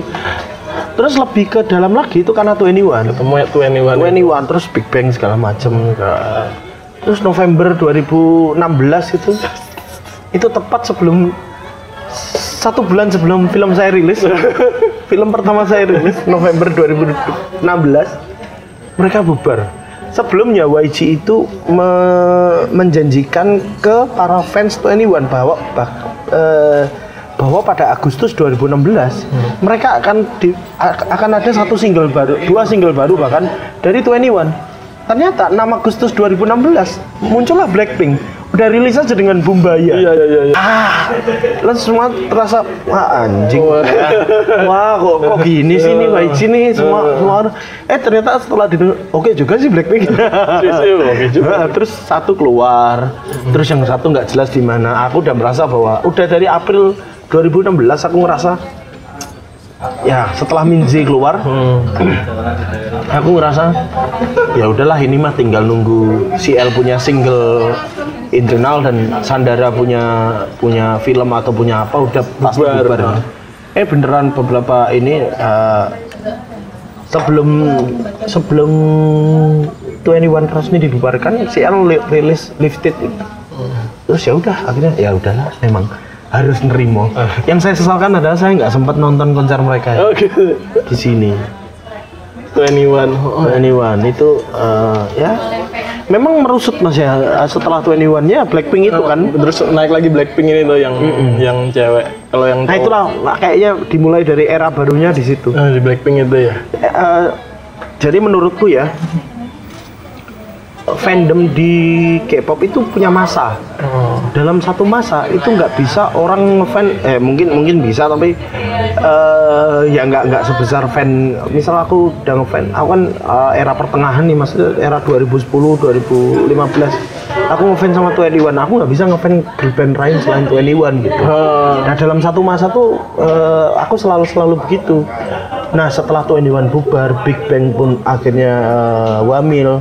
Super Junior ah, wamil. Terus SNSD sudah akhirnya beberapa udah ada yang cabut dari SM gitu. Akhirnya ya mungkin inilah eranya di mana K-pop generasi baru kayak Twice, Iya, iya. eh, Blackpink, BTS, kalau EXO, EXO, Icon.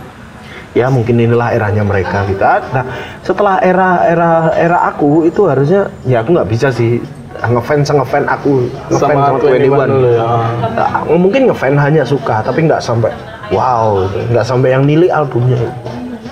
Terkesima ya. Sima biar- itu enggak 21 tuh menurutku paling bagus lah ya fandom aja sih ya karena Sa- ngefans sa- aja sangat ya. sangat subjektif ya. Hmm, sangat sangat subjektif Apa? SNSD em saja SNSD nih wis tuh tua tua.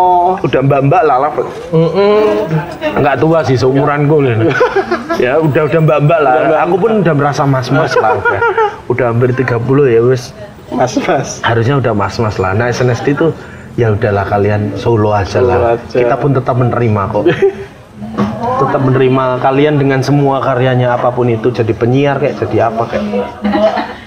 Akhirnya remuk semua. Ya ora remuk sih. nggak remuk sih. Karena keluar kan mas kontraknya habis dan nggak diperpanjang. Dan dari SM pun tidak tidak berniat untuk memperpanjang itu jadi kayak mereka ya udahlah. Terus ngerti ya, jadi Iya, bener-bener kayak bisnis ya, itu wis wis karena Jessica itu kan keluar dari SNSD Iya, dipecat dari SNSD tapi dia nggak keluar dari SM Oh gitu. iya jadi Jessica itu tetap artisnya SM SM Entertainment Pikir dia keluar dari SM enggak ya? enggak enggak dia tetap artisnya SM tapi keluar dari SNSD aneh sih sebenarnya Iya Cuman- sih. Aneh. Cuman ya gimana ini Jadi dia tuh keluar dari Sri Mulat. Bayangkan Basuki keluar dari Sri Mulat, tapi nggak keluar dari Yayasan Pak Teguh itu. oh ada. Oh iya iya iya. Ada ya ya Pak Teguh, Pak Teguh yang punya itu. Itu ya. iya gitu. Eh, dia rilis album solo. Heeh. itu kan masih masih di bawah SM Oh tapi dia udah bener-bener Amerika yuk. Mandiri enggak. masih masih artis nah sementara yang eh, tiga personil SNSD apa ya? Hmm. itu memang memang tidak di SM lagi Udah keluar bener-bener keluar udah udah benar-benar keluar kalau mereka udah keluar dari SM ya otomatis keluar, dari dari SNSD. Rembukannya wis angel kalau yang menunggu. rembukannya wes angel sudah beda agensi Gitu. Ya luar biasa. Eh, oh iya tentang tentang idol dan K-pop, aku pernah pernah di Twitter sih. Hmm. Waktu itu ada ada pertandingan sepak bola mana sama mana, terus ada yang ada yang pada saat yang sama ada yang tweet pengen eh, nonton eh, K-pop tapi waktu itu belum Blackpink sih masih SNSD kok. eh Twice boy kali. Eh, terus ada yang nyolot wah cah lanang kok tontonannya Ca- orang cowok kok senangannya nonton K-pop atau eh, JKT48 orang maco. Hmm, apa ya? Tanggapanku tuh itu. Oh, oh. kan eh, sebenarnya gini sini aku kan karena mungkin mungkin beberapa teman yang lain nggak sepakat sama aku karena mungkin harus harus dipahami bahwa bahwa aku ngefans tuh hanya karena musiknya bukan bukan karena personalnya bukan karena apa pun apa pun yang ada di belakang. Murni hanya hanya karena musiknya. Tapi nah yang jelas nah karena aku cuma suka musiknya sebenarnya aku tidak berpijak pada satu fandom tertentu kecuali Twenty One eh, dan Big Bang. Itu eh, sebenarnya ya ya bisa-bisa tapi eh, aku punya punya punya kan kan pernah ada yang nanya ke gitu juga sih di Ya DM. sama? Umum, berarti umum ya? Ya, dia? umum. Ah, Tanggapan masyarakat umum. beberapa beberapa beberapa kan ada ada yang ada yang nggak ngira bahwa aku adalah fan eh, seorang penikmat musik K-pop gitu nggak ngira tapi selalu mereka bertanya mas eh, kamu nggak kelihatan kayak fan K-pop tapi kamu kamu tahu soal K-pop sampai sebegininya gitu apa nggak takut di di dicap banci karena aku aku selalu minder kalau misal aku suka K-pop tapi aku eh, dikatain sama teman-temanku gitu. Ah. Terus aku jawab adalah yaitu eh, yang pertama adalah bukan tugasmu untuk merubah asumsi itu. Nah, namanya namanya stigma ya, namanya stigma. Kayak kayak ada orang suka musik punk dan dianggap berandalan, ada orang suka musik metal dan dianggap paling sangar, ada orang yang suka musik dangdut dan dianggap jogetnya enak gitu, jogetnya enak. Padahal ya nggak semua orang orang dangdut jogetnya enak juga. Ada yang memang jogetnya asal mendem gitu. dan ada kan ada. Nggak semua orang yang suka uh, rancid adalah berandalan, nggak nggak juga. Nggak semua orang yang suka misal uh, dead squad apa seringnya itu adalah orang yang gahar dan maco nggak juga.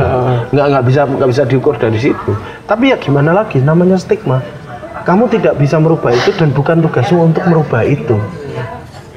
Tapi menurutku musik itu adalah kebahagiaanku. Aku bisa bisa lari dari masalah dan dan sangat bisa sangat menjadi sangat tenang itu karena musik. Masa aku eh, mengalah karena asumsi orang demi sebuah kebahagiaanku kan nggak mungkin. Iya, iya, iya, iya. demi demi apa kata orang kan nggak juga. Ya udahlah kalau kalau memang kamu suka ya dengerin. Uang musik itu bahagiamu kok.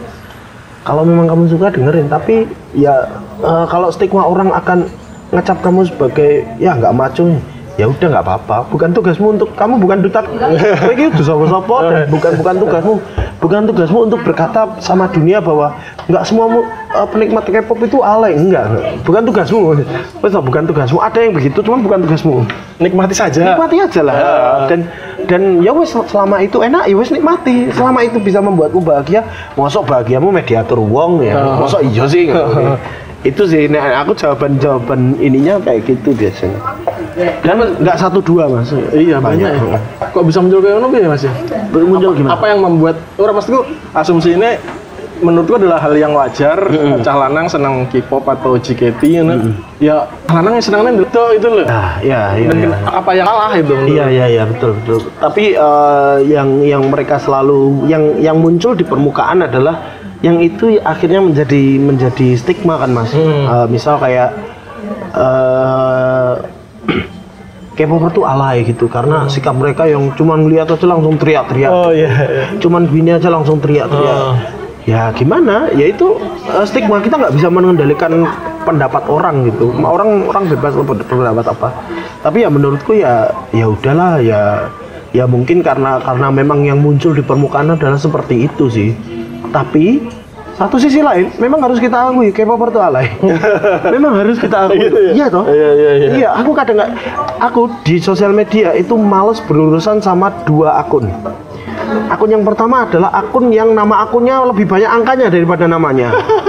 Selamat tiga Oh, iya, iya, iya, iya. empat lima tujuh sembilan gitu gitu. Yang kedua adalah akun yang gambar K-pop, Oh. profile picture-nya gambar K-pop. Udah, pasti udah. Waduh, nggak ah, malas berurusan. Nggak tunjukin dulu siapa kamu baru ngomong gitu. Oh iya iya iya. iya. Selalu, waduh kok gambar K-pop sih gitu loh. Ya, terus Cen- Cenah ya. Cina alay, memang memang alay, memang. iya. Ya ampun ya udah sih gitu. Tapi kan perlu kita pahami juga bahwa mereka juga remaja mungkin bahwa ah, bahwa bahwa aku pun ketika ngefans sama Linkin Park dulu waktu ngefans Linkin aku tuh menemukan bahwa ini musikku. Nah mungkin mereka seperti itu. Gitu. Jadi aku selalu selalu mengambil nilai wajarnya. aja. Karena dulu aku pernah pernah a- menurutku ya seorang lelaki itu ditentukan musiknya itu dari dia remaja. Aku tuh suka suka Linkin Park suka Muse segala macam dari pas aku SMP pas aku SMA gitu. Nah menurutku itulah musikku. Musik root sejatiku itu itu root sejatiku itu itu. Nah aku pe- pernah punya fase di mana aku sangat ngefan dengan mereka dan orang iso musik Linkin Park ini musik paling apik. Berdebat dengan fansnya Dream Theater yang sebenarnya sebelas sebelas dua belas. Iya, iya, iya, nggak iya, apple to iya. apple Iya, gitu iya. loh ah ora iso. Linkin Park terbaik. Gitu. ya gitu. Ah, pernah ada fase di situ. Dan mungkin eh, K-popper K-popper yang masih SMP masih SMA ini melihat ini sebagai sebuah fase atau apa tapi biarin lah gitu. Kalau memang alay ya udah. Memang alay kok. Jan wayah. Cek wayai. Sedang sedang ada di masa seperti itu.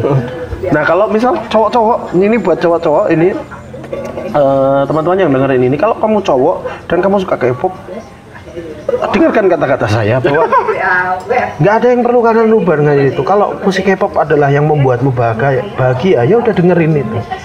Masa bahagiamu mau ditentuin dengan dari apa stigma orang? Stigma orang mah bukan bukan kendalimu untuk untuk merubahnya, mengubahnya itu. Itu emang stigma ya udah stigma aja. Kalau memang bahagia ya dengerin dengerin. Gimana ya? Gitu. Oh iya. Tapi jangan alay. Jangan. Nah, takaran alay apa enggak kamu yang mengukur sendiri. Ketika kamu udah maca alisan, terus rambutmu diwarna-warnai, menurutmu wajar, ya udah nggak apa-apa. Tapi menurutku itu alay, menurutku. Menurutku lo itu. Kalau menurutmu wajar ya nggak apa-apa. Ya pokoknya jangan mau diatur orang. Kecuali bosmu atau yang ngasih duit kamu. itu eh, buat anak-anak yang seneng K-pop. Nah ini eh, tips bawa pesan-pesan buat orang sing nyubi nyubi yang pengen mengenal K-pop itu apa ada pesan-pesan mau sebenarnya kamu dengerin ini dulu deh ini. Po apa? Teman-teman, Wah, iya. sebaiknya yang harus kamu dengerin adalah artis-artis YG Entertainment.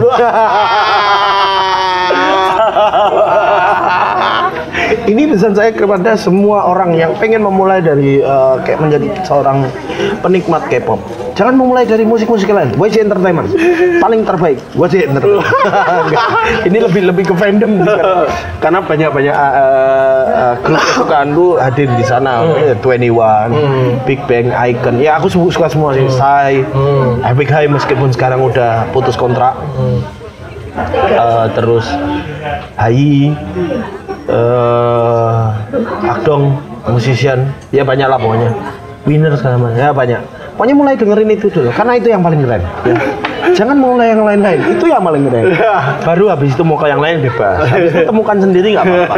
Tapi itu yang paling keren. YG Entertainment YG Entertainment. YG Entertainment. YG Entertainment. Itu yang paling keren enggak sih. Eh, ya bebas bebas saja pokoknya eh, kamu dengerin yang mana ya nggak apa-apa. Tapi kalau kamu memang memang memang suka K-pop dan dan dan pengen mendengarkan dan dan kamu tidak tidak tidak mau dicap sebagai orang beneran beneran suka karena musiknya bukan karena orangnya cobalah dengerin eh, musik K-pop lagunya aja. Jangan nonton video klipnya mulailah. Kalau memang kamu suka musiknya kamu akan suka musiknya. Tapi kalau kamu suka video klipnya ya gimana lagi? Itu satu kesatuan. Tapi memang kalau menurutku lebih lebih baiknya itu kamu dengerin musiknya dulu tanpa melihat MV-nya karena pun aku pernah yang aku suka lagunya tapi aku nggak sama sekali nggak tahu orangnya. Apa? apa ya? Hmm, Naul Aduh, ada Naul sih. Ada eh, penyanyi-penyanyi balad gitu. Nah aku sampai level itu sampai melik eh, K-pop yang tahun 90-an sampai 80-an bahkan. Itu gara-gara variety sih sebenarnya. Iki siapa tuh? iya ini lagunya siapa tuh? Kok kayak legend banget sering putar di sini gitu. Nah itu aku bahkan nggak pernah nggak pernah ketemu ininya eh, nggak pernah ketemu siapa yang nyanyi itu siapa. Eh bagaimana bentuk rupa penyanyinya tuh nggak tahu. Tapi itu sering sering diputar dan dan wow enak ini. Jadi cuman cuman piano gitu terus itu lagu tentang kerinduannya akan pulang ke rumah karena selama dia di industri K-pop itu dia sama sekali jarang dia merindukan bagaimana kasurnya, bagaimana ininya, bagaimana masakan ibunya, gitu-gitu kan. Wow, itu tuh wah apik banget ini. Sampai di situ. Kalau kalau memang memang beneran suka ya, tapi kalau kalian mau suka yang idolnya ya nggak apa-apa juga. toh memang memang itu kok yang memang ditawarkan di awal Ah ya, memang apa ya? Enak dilihat gitu. Iya, eh, enak dilihat nih ya nggak apa-apa lah. Memang memang itu yang di yang ditawarkan oleh ininya kan, apa eh, industri ini kan. Bahwa musik nggak cuma nggak cuma enak didengar tapi juga eh, enak dilihat gitu. Makanya ya ono standar umum ono apa? Ono leader, makne, karo sing ayu, po sing Ya, bagus visual, visual. Visual ya istilahnya, visual. Cen- semua kayak gitu memang ya. Formulanya. Formulanya kayak gitu ya. Kecuali Blackpink ya, Blackpink nggak punya leader, Mereka yang punya leader. nggak punya. Jennie itu bukan leadernya. Oh. Tapi dia yang yang suaranya paling bagus, dia mukanya paling imut, dia, iya. dia yang mewakili Blackpink. Blackpink itu jadi dulunya adalah namanya itu Pink Pang. Serius. Pink Pang, pink tapi pang. pink tapi ngepang gitu loh. Jadi kayak kayak swaggy tapi tetap cute gitu loh. Nah, iya, gitu. Maunya tuh seperti itu. Kayak mau chaos tapi tapi tetap cute gitu. Nah, Jennie itu punya punya dua sisi itu. Jennie itu yang mewakili menurutku ya, menurutku Jennie itu yang mewakili bahwa perempuan itu juga bisa black, bisa juga pink gitu. Jadi dia kalau di atas panggung itu sangat lihat lihat Jennie dari tatapan matanya dia dia kayak cewek yang swag yang nggak usah main-main lu. Oh, iya, iya, iya. Nggak usah main-main sama gue gitu. Tapi kalau di luar itu dia sangat pink, sangat cute yang suka binatang yang suka yang suka posting-posting selfie gitu-gitu. Tetap black dan tetap pink. Menurutku pink pang itu 21. Eh, iya, pink iya. tapi pang itu 21. Oh. Meskipun nggak cuma satu ya dari mereka yang bisa menjual wajah ya. Kaliannya biasa. Ya orang elek ya. Iya nggak elek. Biasa. Tapi menurutku Blackpink ini ya a- ano, semacam anomalinya YG lah. YG kan selama ini nggak pernah menjual visual. Iya. Nah ini tuh pertama kalinya YG menjual visual. Visual dan langsung payu. Nah itu loh, kenapa kamu nggak mikir dari dulu? Tapi ada beberapa artisnya yang memang menolak ini mas, menolak untuk dioperasi plastik ada. Oh gitu. Di Akdong Musician itu si uh, Suhyun itu kan punya hidung yang eh, pesek lah kalau bahasa sini. Dia ditawarin YG dikasih uang untuk YG dan eh, kamu perbaikilah inimu kalau kamu mau. Enggak, aku bisa napas saja udah cukup. Dia bilang gitu. Ya ono ya wong sumeleh ning Ada. Dan dia mukanya memang biasa aja. Dan dia memang sama sekali tidak menjaga. eh, mungkin mungkin dia anak orang kaya ya. Dan dia nggak nggak menjaga nggak nggak cuma jagain di musik. Musiknya musiknya enak tapi nggak terlalu punya banyak masa di eh sorry masa di Korea. Itu sih ya ini eh, si dulu si siapa itu Minji juga nolak nolak untuk operasi plastik. Eh, si Pak Bom itu kesalahan aja kesalahan Kesalahan. kesalahan ini kan dia dia dulu katanya itu eh, kan mukanya agak agak aneh gitu ya dia katanya kesalahan gen waktu operasi. Jadi kayak kayak semacam jadi jadi kayak aneh gitu. Tapi suaranya bagus. Operasi plastik yang gagal. Heeh, si L operasi plastik dulunya menolak operasi plastik. Tapi setelah sadar dia bahwa dia harus menembus pasar internasional dia harus membesarkan dadanya. Oh gitu. iya. Oh sekarang gendut banget. Oh gendut banget Sampai segitunya ya. Ya iya, dia harus harus dia kalau mau menembus pasar internasional ya harus ini kan. Apalagi dia ber, berkecimpung di hip hop yang Iya, yang kayak harus kayak ya gitu. kayak apa ya kayak Nicki Minaj Oh. gitu, kayak Vergi gitu kan selalu eh, Menonjolkan. menonjolkan itu kan. Eh dia operasi, mengakui hal itu. Di sana nggak masalah yang ngaku operasi, rais ini kena izin ya. Ada ada beberapa yang nggak masalah, ada yang ada yang merasa bahwa itu aib ada. Ada ya. Ada. Tak pikir podo bangga, ya. nggak nggak semuanya. Enggak semua, enggak semua bang. Ada yang merahasiakan itu. Bahkan ada kan yang yang nggak mau di reveal foto masa kecilnya itu ada. Ada. Karena mungkin berbeda ya. Oh. Ada pasti ada gitu. Yang yang sampai dia mau mereveal eh, mengeluarkan ke publik mempublish apa eh, foto masa kecil atau foto masa remajanya sebelum dia debut ya berarti dia sangat berusaha kan itu memang memang memang bekerja keras kan itu Sangar ya. Se, se complicated itu. Oh ya, eh, teman-teman kalau yang tahu apa simbol love yang jari jempol sama jari telunjuk itu. Ah, ah. Nah, setahu saya di Jogja yang orang pertama kali mengenalkan itu ya ini Mas Yusril ini setahu Oh, iya? yang zaman orang-orang belum duit gue sok ngene dulu Ah. tiap tiap MC tiap apa mesti ngene yang orang-orang belum tahu loh itu apa belum tahu belum tahu tadi apa ya itu ya running man running man ya Iya, Yang Running gini? Man. Iya, gini. Jadi orang-orang itu belum waktu itu belum ada belum ada. Kalau kalian belum tahu simbol hati itu yang Yang jempol. jari, jari, Lagi ra- visualnya angel lagi. Itu itu itu, itu itu bisa dilihat orang suka K-pop apa enggak dari situ. Mm-mm. Kalau simbol jarinya dia nggak bisa, cuma begini toh. Dan dan dia harus tahu posisi kamera sih Iya, iya, ya. biar biar Nah, biar biar membentuk begini itu nggak semua orang bisa sih. Ada yang begini. Ini kan nggak ketok. biar jadi bentuk bentuk hatinya itu kan yang penting kan. Gitu sih dari dari tahun kapan 2014 Oh, kayaknya. Wah, belum orang-orang belum tahu itu loh. Masing-masing MC.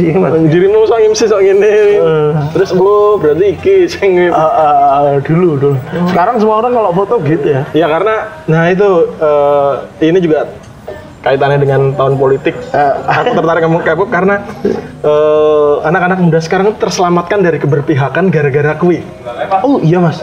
Ya kan biar kan eh, anak-anak muda foto kan tangan dua piece. Oh, anu, iya, iya, iya, iya, Lu iya. Dikira anu. Ah ah ah ah. Saya kan terus pada ini Oh iya iya iya. Aman, aku tidak Iya aman. Aku tidak berpihak.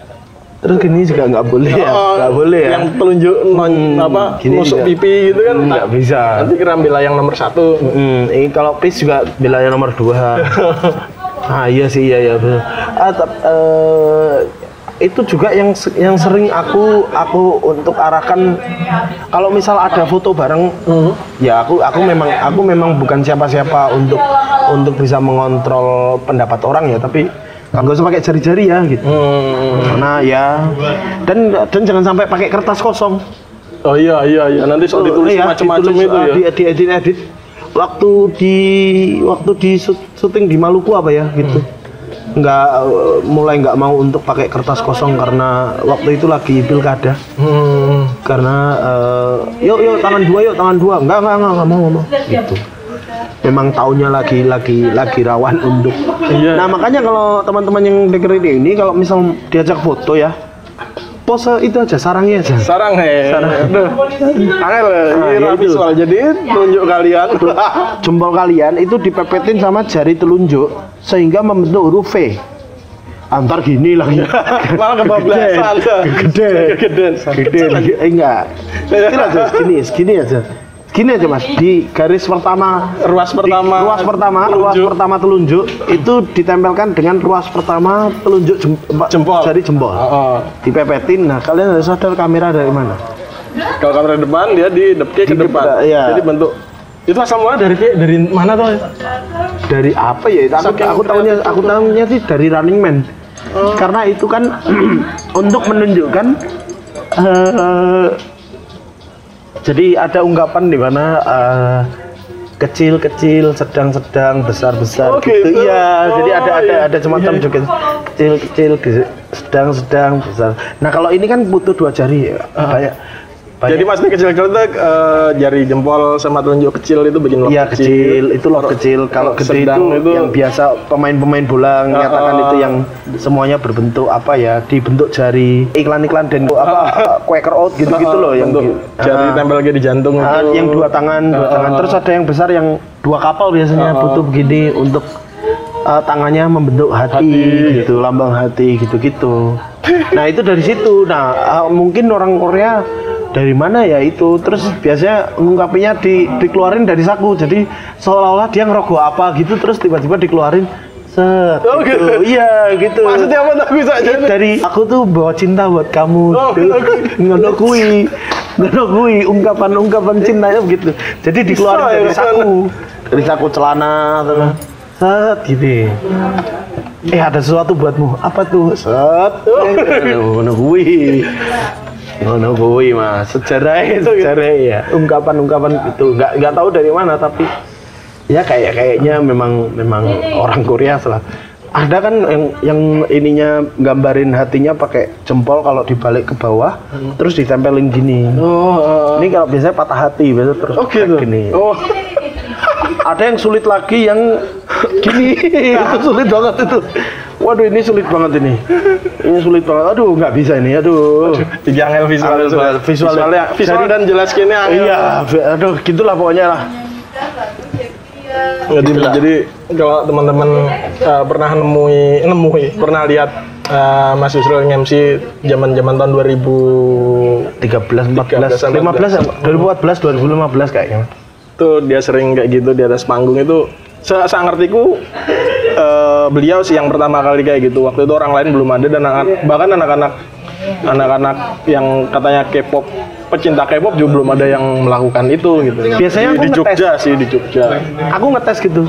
Yang mana yang mencinta K-pop tuh aku ngetes. Eh, Kira-kira kalau dikasih begini mereka ngeh nggak? Kalau ngeh berarti K-pop. Nah aku sangat bisa kan itu. Ah, Udah udah masuk, udah kasih aja jokes-jokes yang begitu, yang begitu. gitu. Kalau udah kalau udah nggak nggak ngerti, pernah aku ngisi di Gunung Kidul nggak ngerti mas gini. ya wes lah. Sekarang biar meneh ya. jadi kayak gini love itu Love Love Korea. love Korea ya Ya. Tiny Heart namanya. Tiny Heart ya Tiny Heart. Heart tapi so tiny, so cute. Bahkan bisa dikeluarin dari kantong celana. Gli ya? Gli. Ini lah yang marah ini. iki. Iki lho sing marah-marahke kayak ngono ini. Aduh. Yang kebab dicap ala ya. Kayak ngono-ngono ini. Lah padahal ya itu di zaman sekarang menyelamatkan generasi muda dari keberpihakan, serius. Hmm, itu itu pose-pose alternatif ya. Oh, jadi kalian tidak akan dikira membela siapa pun gitu. Ya resikonya kalian dikira K-popper sih. Oke oke. Eh, sebentar.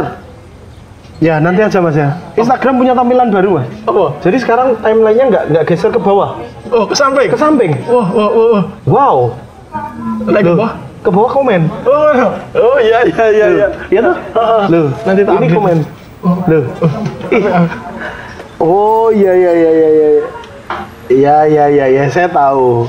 Karena orang sekarang jarang eh ini masih Gak apa-apa, gak apa-apa. ini orang-orang sekarang jarang untuk nge-scroll ke bawah. Mereka akan cepet bosen kalau kalau yang kalau lebih nyaman kalau di samping. karena lebih sering banyak stories ya. Iya, betul itu dia. lebih sering betul, banyak betul, betul, betul. Iya iya iya iya iya iya. iya. Ya ya. Oke, terima kasih Instagram atas infonya. Wow, wow, wow, wow. Sekarang lebih mudah bermain Instagram. Wow, sekarang orang semakin bisa untuk eh, mengarahkan HP-nya pada satu jari. Gitu gitu ya. Oh iya. Oh iya iya.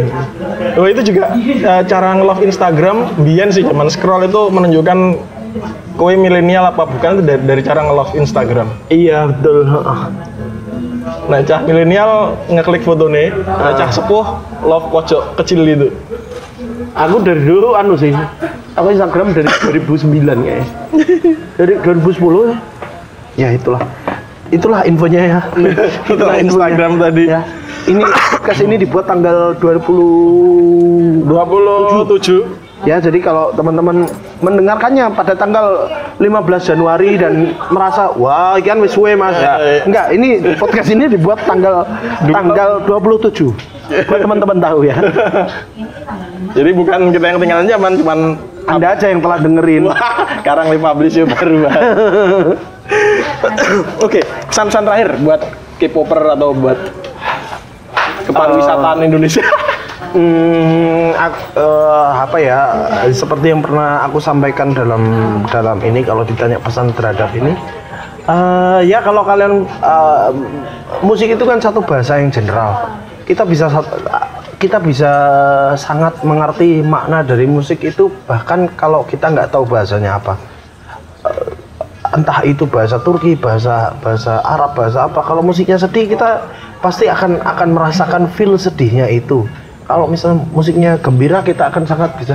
Musik itu bahasa yang universal, bahasa yang bahasa yang mungkin itulah yang membuat orang-orang di dunia ini bersatu mungkin karena musik. Jadi nggak haram ya musik ya? Hah? Nggak haram, nggak haram. Yang haram musik kalau jelek. Oh iya. iya, iya. Kalau jelek itu haram. Iya, iya, iya. Jangan dengerin musik jelek. dengerin musik yang bikin kalian bahagia. Ya, jadi eh, musik itu bahasa yang universal. Jadi kalau kalian suka nggak peduli bahasanya apa ya udah dengerin aja. Karena saya juga mendengarkan musik dari kiri sampai kanan. Aku juga suka kalau kalau ini aku juga tahu lah lagu-lagunya Cupu Manik, Koil, lagu-lagunya Iya, iya, Dead iya. Squad, lagu-lagunya Endang Sukamti, bahkan lagu-lagunya seringnya tahu semua. Oh, ini orang bukan tuntutan mereka dari MC yang kudu Bukan, Oh, bukan. Tapi lebih ke karena suka musik Oh, dari iya, dari iya. dari kecil suka musik. Ah, nggak cuma Korea ya, aku dulu apa lagu-lagu India, lagu-lagu Mandarin, lagu-lagu Jepang agak nggak ini sih, nggak into Jepang. Nggak Indo ya. Aku apa pun musiknya aku suka, apa pun bahasanya aku suka. Kalau musiknya enak ya enak aja. Gitu. Jadi nggak perlu bahasanya, nggak perlu ah aku anti Korea enggak. Kalau musiknya Korea enak ya memang enak aja. Bukan karena mereka Korea terus kita jauhin. Wih. Oke oke ya udah. Terima kasih Mas Yusril ya. Terima kasih Mas Iwan. menyempatkan diri di sela jadwal syutingnya yang padat. Wow. Ini li- Padat li- liburan Natal atau tahun baru sempat sempatnya nyambut gawe loh, Pak. Iya. Ya orang penghasilannya dari situ bagaimana? Iya iya iya iya iya. iya. Bisa menyempatkan diri. menyempatkan kalau di Jogja ya nggak ada istilah nggak selo lah kalau di Jogja ya selo harus selo kalau di Jogja itu bahkan Mas Iwan eh, ngo- ininya ngajaknya sore tadi Bang, ya. sore tadi. Nanti malam bisa bisa. Kalau di Jakarta nggak gitu mas. Nggak mainnya. bisa, nggak bisa. nggak bisa. Itu harus menghitung kemacetan. Oh, oh. harus kalau janjian jam 4 jam 8 paling nggak kamu harus berangkat dari kosanmu itu jam 4 tadi. Heeh, heeh. untuk bisa sampai jam 8 di ini di tempat janjian ya. Nggak nggak, slow kalau di Jakarta. Itu aja lihat tempat janjiannya pas tempat macet enggak? iya itu dia. Kalau nggak macet biasanya eh, tempatnya susah dijangkau terus gojek males ngambil ya Allah problem ibu kota